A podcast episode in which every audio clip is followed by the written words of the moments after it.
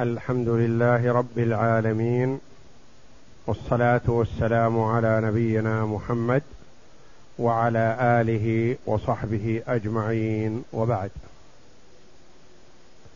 تقدم لنا في موضوع قسمة التركات أن التركة نوعان. نوع مما يمكن قسمته كالدراهم والدنانير والريالات والمعدودات والمذروعات ونحوها مما هي متساوية. ولنا في طريقة قسمتها ثلاث طرق الطريقة الأولى هي ضرب العدد الرابع الذي هو التركة بالعدد الأول الذي هو نصيب الوارث من المسألة والقسمة على العدد الثاني الذي هو مصح المسألة والناتج هو نصيب الوارث من التركة. ضرب العدد الأول بالعدد الرابع والقسمة على العدد الثاني والناتج هو العدد الثالث المجهول.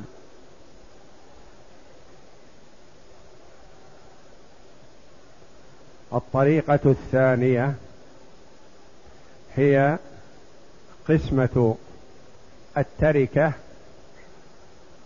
على العدد الثاني الذي هو مصح المسألة. والناتج يضرب في نصيب الوارث من المسألة. والطريقة الثالثة وهي طريقة النسبة فيقال للزوجة الربع. فتأخذ ربع التركة للزوجة الثمن. تأخذ ثمن التركة للزوج النصف. يأخذ نصف التركة. وحسب نسبة نصيبه إلى مصح المسألة أو أصلها أو مبلغ عولها. فقد يكون للزوج النصف لكنه نصف عائل. ثلاثة من ثمانية أو ثلاثة من تسعة فتكون عبارة عن ثلث أو ثلاثة من عشرة وهكذا. وهذه الطريقة هي أسهل الطرق وأيسرها ولا تحتاج إلى عمليات حسابية طويلة وإنما يقال له ثلاثة من ثمانية يأخذ ثلاثة أثمان. له اثنان من ستة يأخذ ثلث. له ثلاثة من تسعة يأخذ ثلث. التركة وهكذا. ثم إن التركة كما تقدم نوعان مما يمكن قسمته وهو ممكن قسمته بأحد هذه الأوجه الثلاثة. الثاني النوع الثاني من التركة ما لا يمكن قسمته كالعقارات مثلا من العماير والأراضي والسيارات والأشياء غير المتناسبة متفاوتة مثلا فتقسم عن طريق النسبة أو عن طريق القيراط. وعرفنا أن المراد بالقيراط هو ثلث الثمن. أو تقول ثمن الثلث سيان ثلث الثمن واحد من أربعة وعشرين. ثمن الثلث واحد من أربعة وعشرين. فمخرج القيراط هو أربعة وعشرون. فليس القيراط أربعة وعشرون وإنما القيراط هو ثلث الثمن. يعني القراط هو واحد من أربعة وعشرين.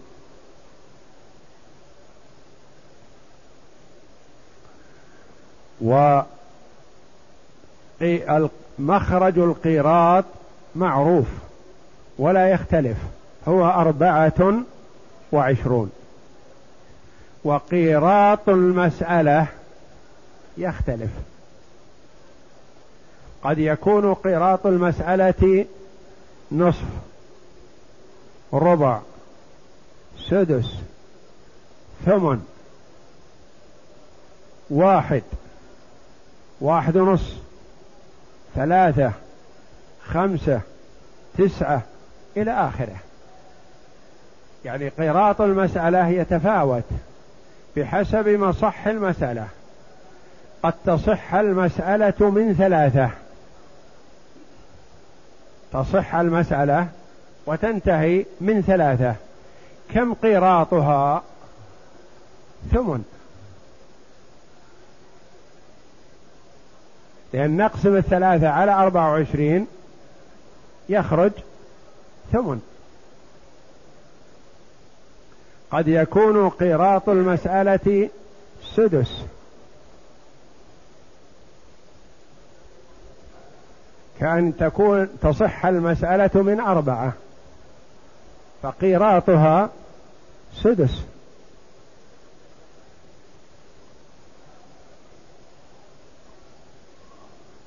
قد تصح المسألة من ستة فيكون قيراطها ربع.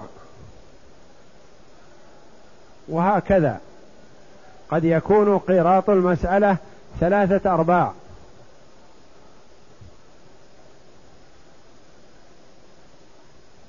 فقيراط المسألة يختلف. من واحد إلى ما لا نهاية له. ومن الكسور إلى حد نصف السدس. نصف السدس.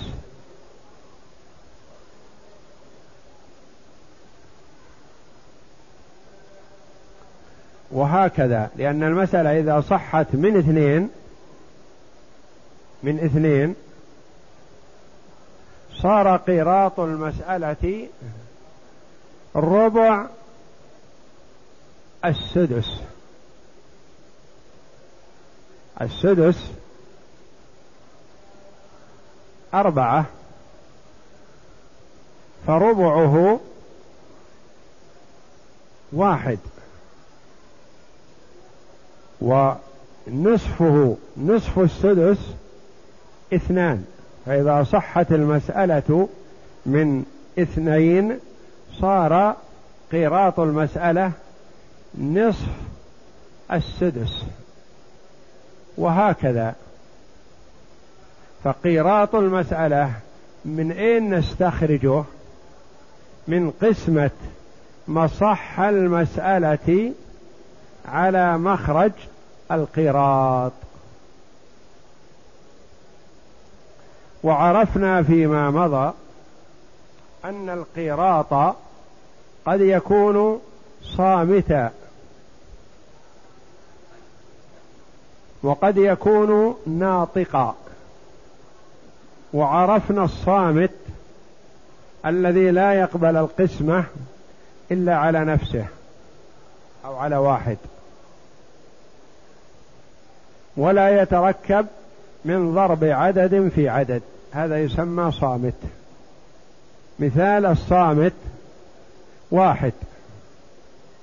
واثنان. وثلاثة. وخمسة. وسبعة وأحد عشر وثلاثة عشر وسبعة عشر وتسعة عشر وهكذا. وقد يكون ناطقا وهو ما تركب من ضرب عدد في عدد وهو الذي يقبل القسمة على غير واحد ونفسه. كالاثنين. أو الاثنين صامت؟ لا الاثنين صامت. لأن الاثنين ما تقبل القسمة إلا على اثنين. كالأربعة. الأربعة ناطق لأنه مركب من ضرب اثنين في اثنين. والستة ناطق. والثمانية ناطق لأنه ناتج من ضرب اثنين في أربعة. والتسعة ناتج من ضرب ثلاثة في ثلاثة. والعشرة. اثنين في خمسة. والاثنى عشر. والأربعة عشر. والخمسة عشر. يعني ناتج من ضرب ثلاثة في خمسة. والستة عشر. أربعة في أربعة. وهكذا. هذا ناطق. وهو ما تركب من ضرب عدد في عدد. وهو ما يقبل القسمة على غير نفسه وعلى غير واحد. وصامت وهو الذي لا يقبل القسمة إلا على نفسه كالواحد والاثنين والثلاثة والخمسة والسبعة إلى آخره.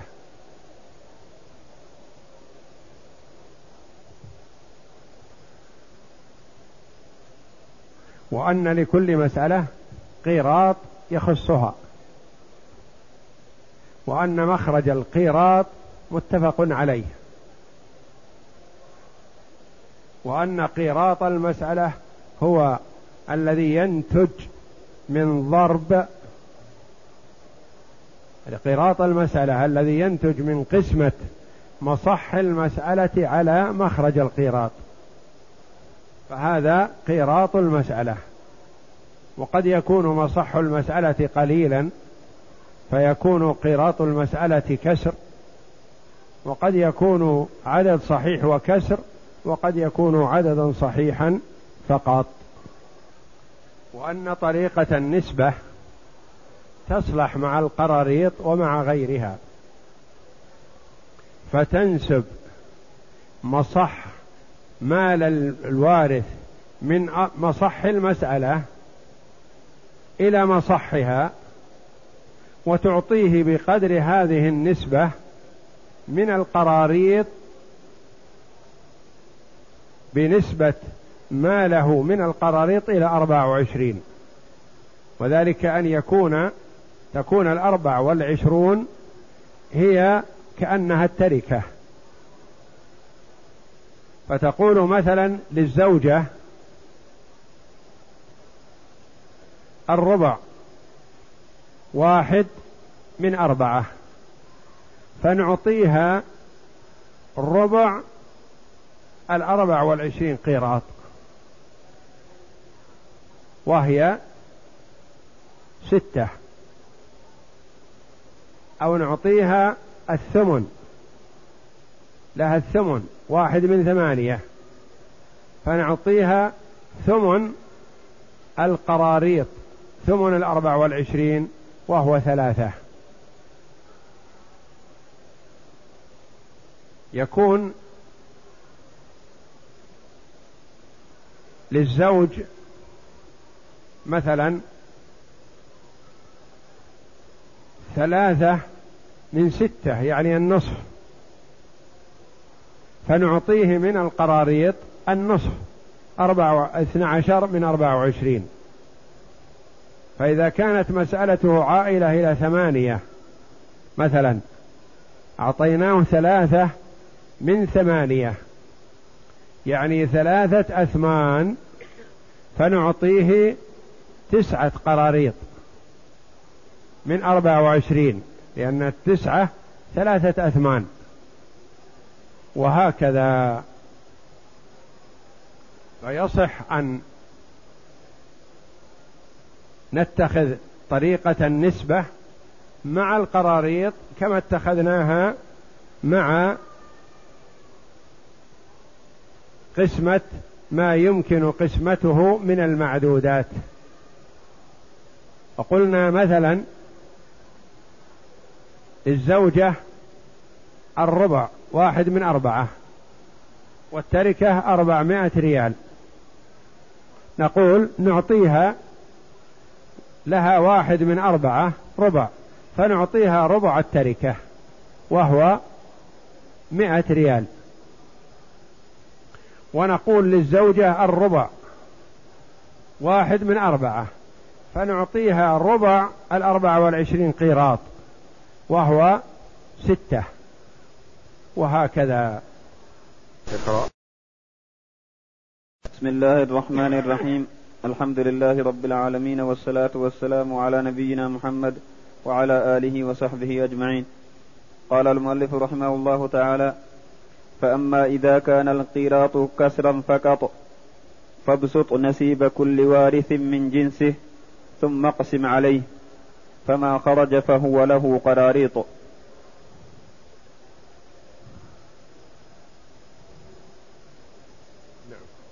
مثاله مثاله زوج وبنتان وعم. أصل المسألة من اثني عشر للزوج الربع ثلاثة. وللبنتين الثلثان ثمانية والباقي واحد للعم وقيراطها نصف سهم. نصف. نعم نصف قيراطها قيراط هذه المسألة لأن مصحها صحت من اثني عشر. فإذا قسمنا الاثني عشر على مخرج القيراط أربعة وعشرين كم يخرج؟ نتيجة القسمة نصف. نصف. نعم. فتبسط نصيب كل وارث من جنسه فيكون للزوج ستة قراريط ولكل بنت ثمانية قراريط وللعم قيراط. وعلى هذا فقس وصورتها. صورتها في الجدول. انظر الجدول. أصل المسألة زوج بنت بنت عم. فيها زوج له ربع وفيها بنتان لهما ثلثان. مخرج الثلثين مع الربع من اثني عشر. فهذا أصل المسألة اثنى عشر. أعطيناهم للزوج ثلاثة من اثني عشر. وللبنت والبنت الأخرى الثلثان ثمانية لكل واحدة أربعة. كم الباقي؟ أربعة وأربعة وثلاثة هذه إحدى عشر. الباقي واحد يكون للعم. إلى هنا صحت المسألة وانتهت تصحيحا لكن ما قسمنا التركة إلى الآن. التركة نريد قسمتها على طريقة القيراط طريقة القيراط أن نقسم الاثنى عشر التي عندنا هذه التي هي أصل المسألة نقسمها على أربعة وعشرين. مخرج القيراط كم يكون قيراط المسألة؟ يجي واحد؟ لا. اثنى عشر على أربعة وعشرين اقسم كأنك عندك اثنى عشر ريال تريد أن تقسمها على أربعة وعشرين طالب. كل واحد يجيه نص ريال. إذا قيراط هذه المسألة نصف. نصف واحد من أربعة وعشرين. قيراط هذه المسألة. هذا القيراط ماذا نسميه؟ كسر. القيراط كسر. حنا قلنا إذا أردنا أن نستخرج نصيب كل وارث من القراريط كم له من قيراط نقسم نصيبه من المسألة على قيراط المسألة. نصيب الزوج عندنا. كم نصيبه من المسألة؟ نصيبه ثلاثة. نصيبه من المسألة ثلاثة الربع. الثلاثة هذه نريد أن نقسمها على نصف. نقسمها على نصف. كم تكون من جزء؟ ثلاثة يعني نقسم الثلاثة على النصف. عبارة كأننا نضرب الثلاثة هذه في النصف. الواحد الأول كم يصير؟ نصفان. والثاني نصفان. والثالث نصفان. كم صارت من نصف؟ الثلاثة ستة. إذا صار نصيب الزوج ستة قراريط. وطريقتنا فيها أن نقول ثلاثة نقسمها على النصف. فنضع ثلاثة. ثم نضع علامة القسمة. ثم نضع بعد علامة القسمة نصف. يعني ثلاثة مقسومة على نصف. ثم نحولها. فنضع علامة تساوي. ثم نضع ثلاثة. ونبدل علامة القسمة بعلامة الضرب. ونشقلب النصف الذي عندنا. فنجعل الاثنين فوق. ونجعل الواحد حدر. بدل ما هو مقسوم نقلبها ونجعل علامة الضرب. ثم نضرب ثلاثة في اثنين مقسوم على واحد. كم تكون؟ ستة. وبعبارة أخرى ثلاثة دراهم نريد أن نقسمها على نصف نصف. كم تساوي؟ ستة. ستة أنصاف.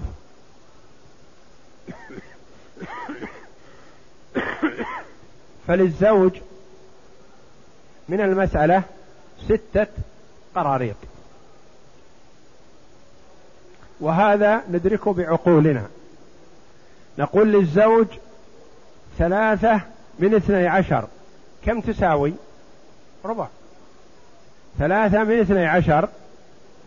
إذا قلنا له من أربعة وعشرين كم يأخذ؟ بدل الثلاثة ستة. له ثلاثة من اثني عشر الذي هو ربع. نعطيه ربع الأربعة والعشرين قيراط كم يكون له؟ ستة.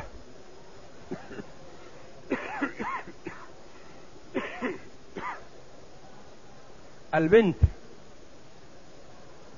لها أربعة.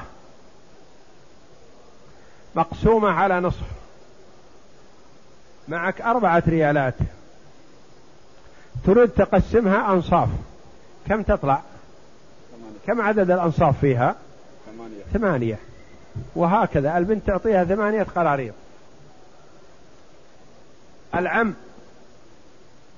له واحد. نريد أن نقسمه على نصف. كم يطلع له؟ يخرج له اثنان. مسألة أخرى. اكتب. لأن المؤلف رحمه الله مثل لنا بما إذا كان كسر بمثال واحد. عندي الآن أربعة أمثلة. مثال إذا كان قراط المسألة سدس. ومثال إذا كان قراط المسألة ثلث.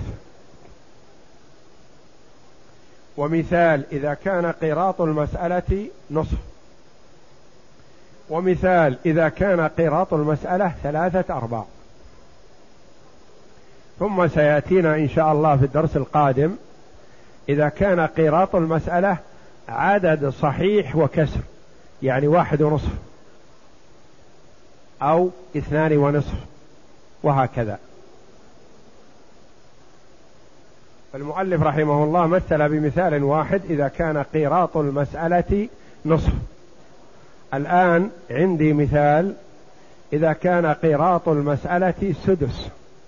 اكتب هالك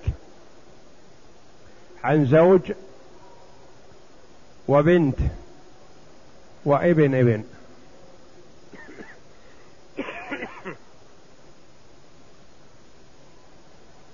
صحح المسألة. المسألة من أربعة. للزوج الربع واحد وللبنت النصف اثنين ولابن الابن الباقي واحد. صحت من أربعة. مخرج القيراط كم؟ معلوم ما يختلف. مخرج القيراط أربعة وعشرون. ضعه بجوار الأربعة بعد الأربعة. مخرج القيراط أربعة وعشرين. كيف نستخرج قيراط المسألة؟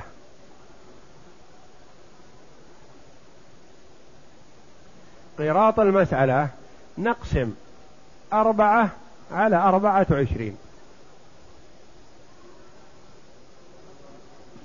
نقسم أربعة على أربعة وعشرين. وطريقة القسمة أن تضع الأربعة أعلى. بسط نسميها. والمقام أربعة وعشرين. تدرج مع المقام والبسط بالتقليل. الاثنين نجعل أربعة. الأربعة نجعل بدلها اثنين. اثنين على كم؟ على اثنى عشر ثم الاثنين نجعل بدلها واحد نصفها. ونجعل بدل الاثنى عشر كم؟ ستة. صار سدس. هذا هو المقام. هذا هو قيراط المسألة. أربعة على أربعة وعشرين. نحللها. أربعة عنها اثنين والاثنى والأربعة والعشرين عنها اثنى عشر. ثم بدل الاثنين واحد وبدل الاثنى عشر ستة. صار قيراط المسألة سدس. واضح؟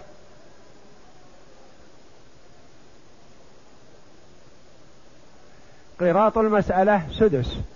ضعه بجوار مخرج القراط لأنك وضعت مخرج القراط وتضع بجواره قيراطها. واحد على ستة. إذا قسمت واحد على سدس أعمل عقلك معي قبل العملية الحسابية. واحد صحيح تريد أن تقسمه أسداس كم يصير؟ ألا يكون ستة؟ هذا هو. إذا قسمنا واحد صحيح على ستة ألا يخرج ستة؟ قسمنا واحد صحيح على سدس ألا يخرج ستة؟ قسم الريال إلى أرباع كم يخرج؟ أربعة أربعة أرباع.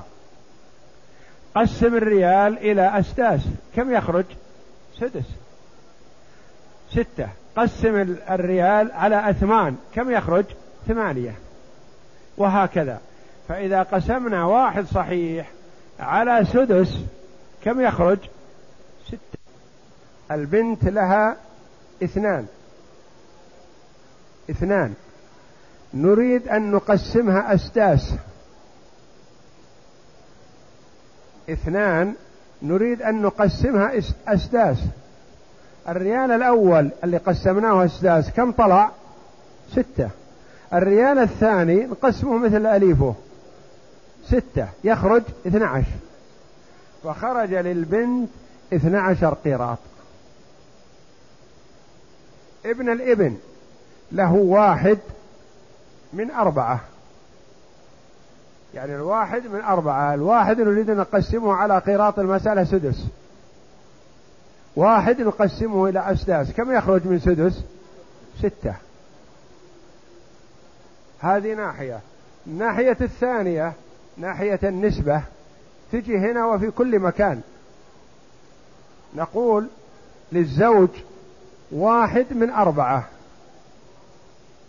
ربع. فله ربع القراريط. القراريط 24 قيراط. له ربع القراريط. كم يكون له؟ ستة. البنت لها اثنين من أربعة. نصف المسألة. والمسألة 24 قيراط. كم لها من القراريط؟ 12 وابن الإبن كذلك. هذه صححناها فجعلنا للزوج له واحد من أربعة وجعلنا له من القراريط ستة. والبنت لها 12 قيراط. وابن الإبن له واحد من المسألة فله ستة قراريط. طيب اكتب تعريف بجوارها الطريقة التي فعلناها هذه. علشان ما تنساها. اكتب. قسمنا أصل المسألة. قسمنا أصل المسألة. ما هو أصل المسألة؟ قل لي. أربعة. قسمنا أصل المسألة أربعة. على مخرج القراط كم؟ أربعة وعشرين. اكتب. على مخرج القراط أربعة وعشرين. فخرج سدس. واحد على ستة. فقسمنا. نصيب الزوج من أصل المسألة واحد على قيراط المسألة سدس فخرج ستة. فله ستة قراريط وهكذا. الخطوات ما هي؟ قسمنا أصل المسألة على الأربع والعشرين مخرج القيراط فنتج الخارج سدس. فقسمنا نصيب الزوج من المسألة على قيراطها فخرج له ستة. إذا قسمنا واحد على سدس خرج له ستة. قسمنا الاثنين على سدس خرج اثنى عشر. لأن كل واحد فيه ستة.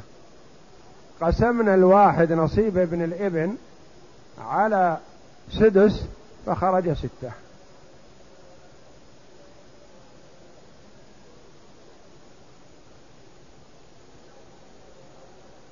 مسألة أخرى.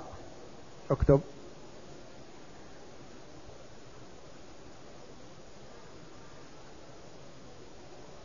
زوجة. زوجة. ابن. ابن. ابن. يعني ثلاثة أبناء. بنت.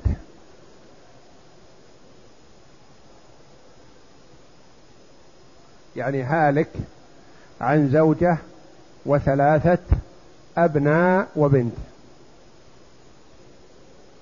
اقسم. المسألة من كم؟ من ثمانية. للزوجة واحد.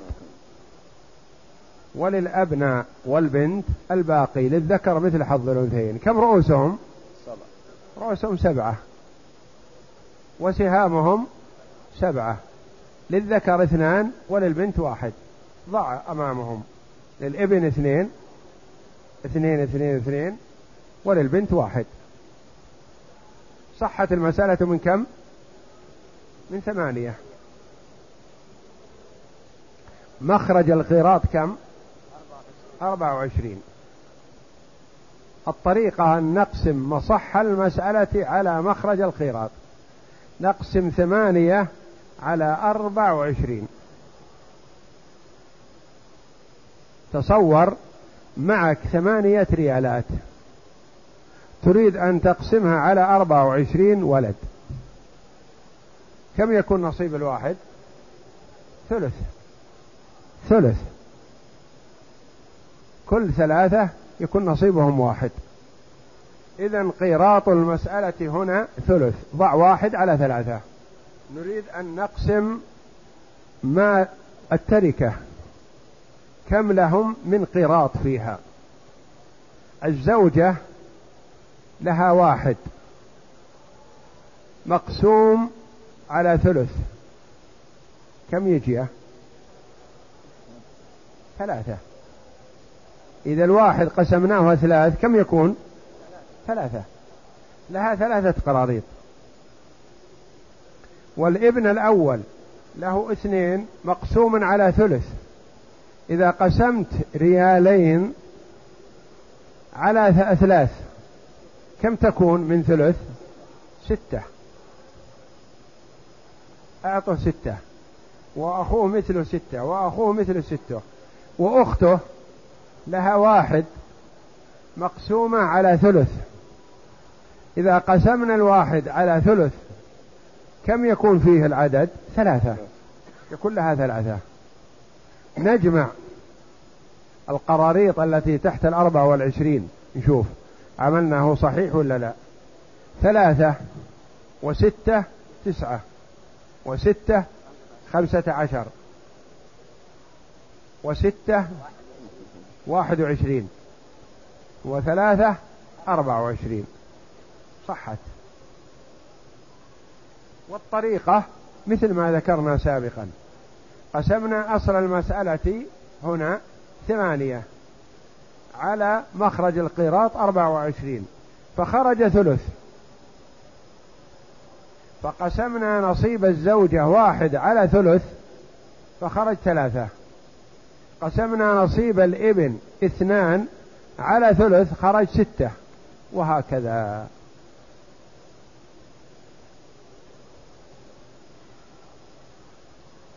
وبالنظر تطبيق طريقة النسبة على هذا. تنطبق.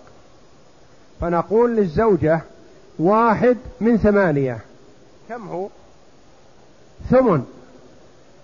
فنعطيها ثمن الأربعة والعشرين. ثمن الأربعة والعشرين كم؟ ثلاثة.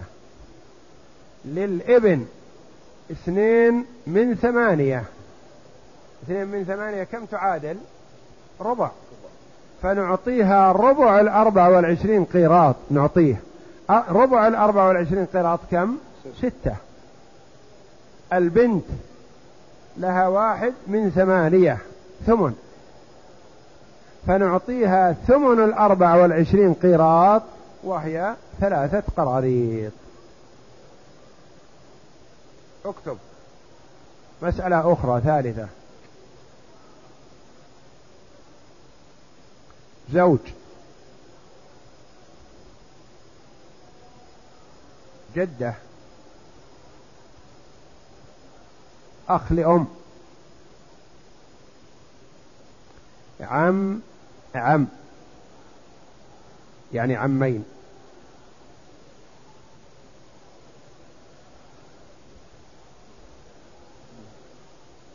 المسألة من كم؟ لأن فيها سدس. الجدة وولد الأم. المسألة من ستة. للزوج النصف ثلاثة. وللجدة السدس واحد. وللأخ لأم السدس واحد. وللعمين الباقي تعصيبا واحد من ستة.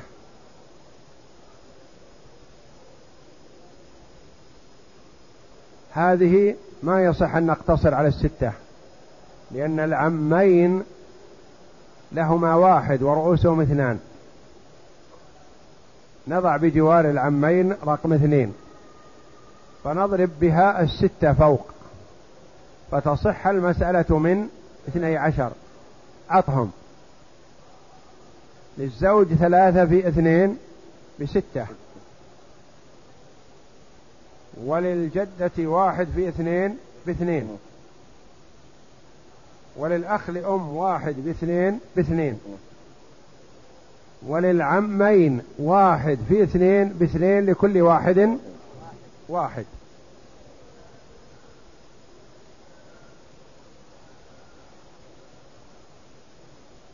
انتهينا الآن من تصحيح المسألة. بقي قسمة التركة على طريقة القيراط. نضع مخرج القيراط كم هو؟ أربعة وعشرون ما يختلف. نريد أن نقسم الاثني عشر مصح المسألة على مخرج القيراط أربعة وعشرين. كم يكون قيراطها؟ إذا قسمنا اثنى عشر على أربعة وعشرين كم يطولهم عليه؟ على نصف. نصف. المقسوم أقل. المقسوم اثنى عشر والمقسوم عليه أربعة وعشرين. معك اثنى عشر ريال تريد أن تقسمها على اثنى عشر أربعة وعشرين ولد. كم يطولهم عليه؟ على نصف. إذا قيراط هذه المسألة نصف. ضعه بجوارها. قل قيراطها نصف.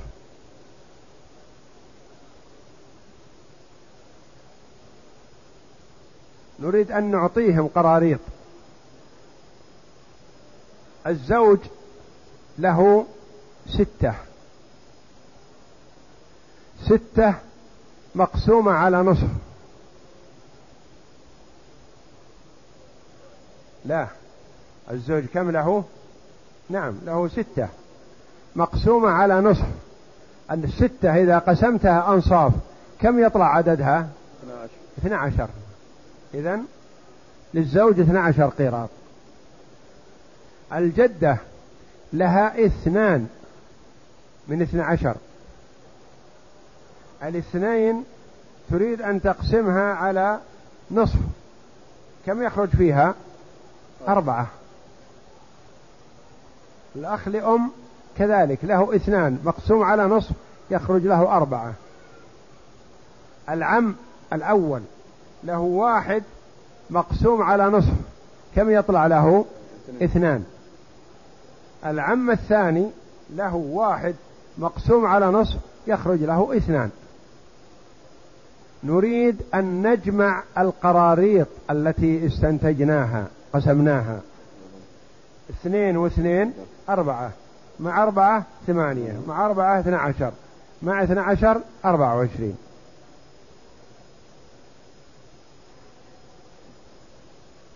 نريد أن نستعمل أذهاننا بالقسمة هذه. نقول نعم. الزوج أخذ من أصل المسألة ثلاثة من ستة. كم يكون له من القراريط يكون له نصفها. نصف القراريط لأنه أخذ ثلاثة من ستة يأخذ اثنى عشر من أربعة وعشرين. الجدة لها اثنان واحد من ستة. لها واحد من ستة يعني سدس. فيأخذ سدس القراريط التي أربعة وعشرين. سدس الأربعة والعشرين كم؟ أربعة, أربعة. وهكذا الأخ لأم والأعمام لكل واحد منهم واحد من اثني عشر. يعني نصف السدس. سدس الأربعة والعشرين كم؟ أربعة. ونصفها اثنان.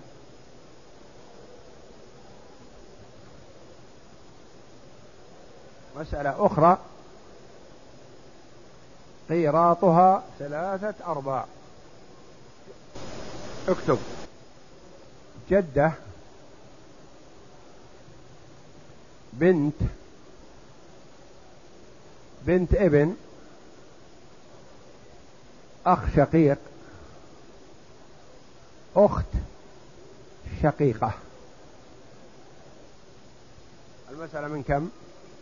عندنا جدة وبنت وبنت ابن فيها أسداس وباقي. إذا المسألة من ستة. للجدة السدس واحد. وللبنت النصف ثلاثة. ولبنت الابن السدس تكملة الثلثين. البنات. وللأخ الشقيق وأخته الباقي. كم؟ واحد. ورؤوسهم ثلاثة. غير منقسم عليهم. نرفع الثلاثة تكون بمثابة جزء السهم. ثلاثة في ستة بثمانية عشر.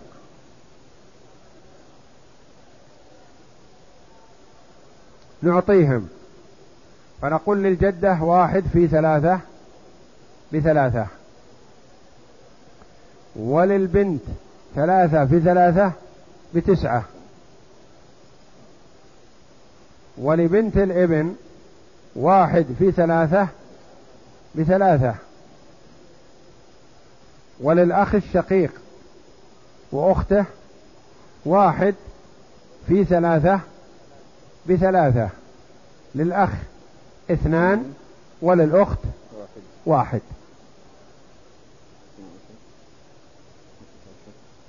صحت المسألة من ثمانية عشر.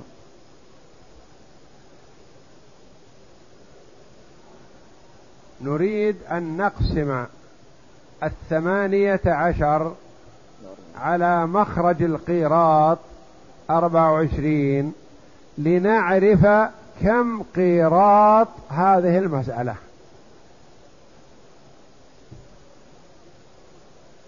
بعملية حسابية قسمة ثمانية عشر على أربع وعشرين تخرج ثلاثة أرباع.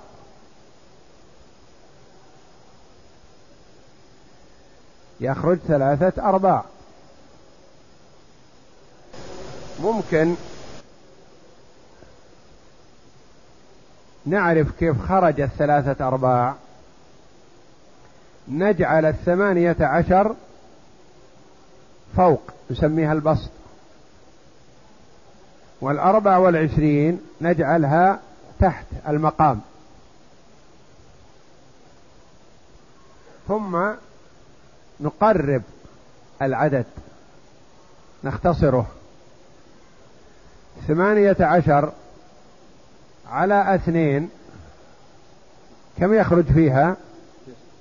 تسعة. والأربع والعشرين على اثنين كم يخرج فيها؟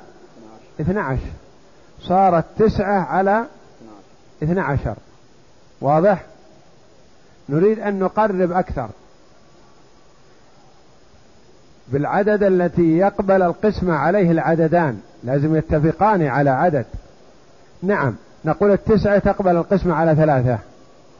نقسم التسعة على ثلاثة. كم يخرج؟ ثلاثة. ونقسم الاثنى عشر على ثلاثة. كم يخرج؟ أربعة. أصبح عندنا الكسر ثلاثة أرباع. عرفنا أنه بقسمة أربعة وعشرين بقسمة ثمانية عشر على أربعة وعشرين يساوي ثلاثة أرباع. لأن أربعة وعشرين على أربعة وعشرين واحد صحيح. ثمانية عشر على أربعة وعشرين ثلاثة أرباع. قس هذا على الذهب. نحن قريب عهد بالذهب وقيراطه والجرام إلى آخره. قلنا هذا عيار ثمانية عشر. عيار أربعة وعشرين ذهب خالص كله. عيار ثمانية عشر يعني في ستة حديد وفي ثمانية عشر ذهب. كم يكون ناقص الذهب؟ الربع. عيار ثمانية عشر عبارة واحد إلا ربع. وهكذا فاختصارنا العدد يعني تقليله متساوي بحيث نقسم الثمانية عشر على اثنين ثم نقسم الأربعة والعشرين على اثنين. ثم نقسم الثمانية عشر التسعة على ثلاثة ونقسم الأربعة والعشرين على ثلاثة فيخرج ثلاثة أرباع.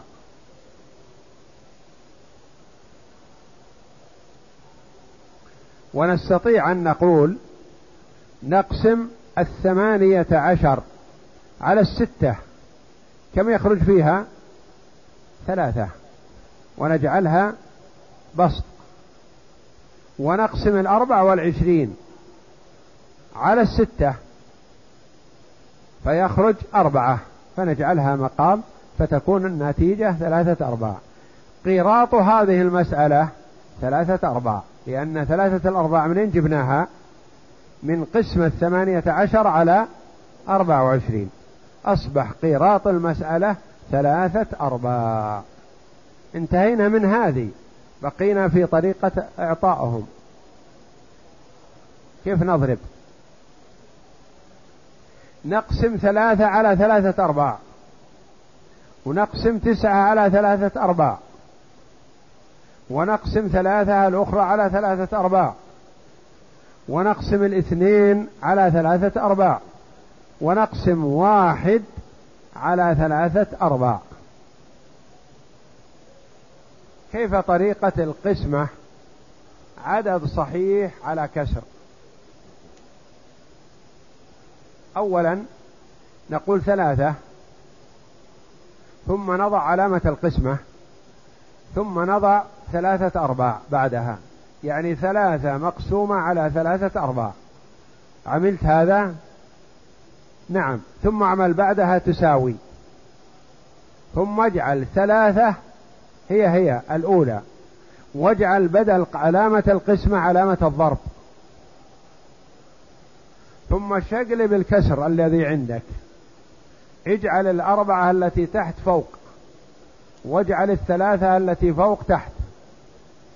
وقل ثلاثة مضروبة في أربعة مقسومة على ثلاثة. ثلاثة مضروبة في أربعة كم تساوي؟ اثنى عشر. اجعلها مقا بسط. ثم اثنى عشر هذه مقسومة على ثلاثة التي هي المقام الأول. إذا قسمنا اثنى عشر على ثلاثة خرج أربعة. إذا يخرج له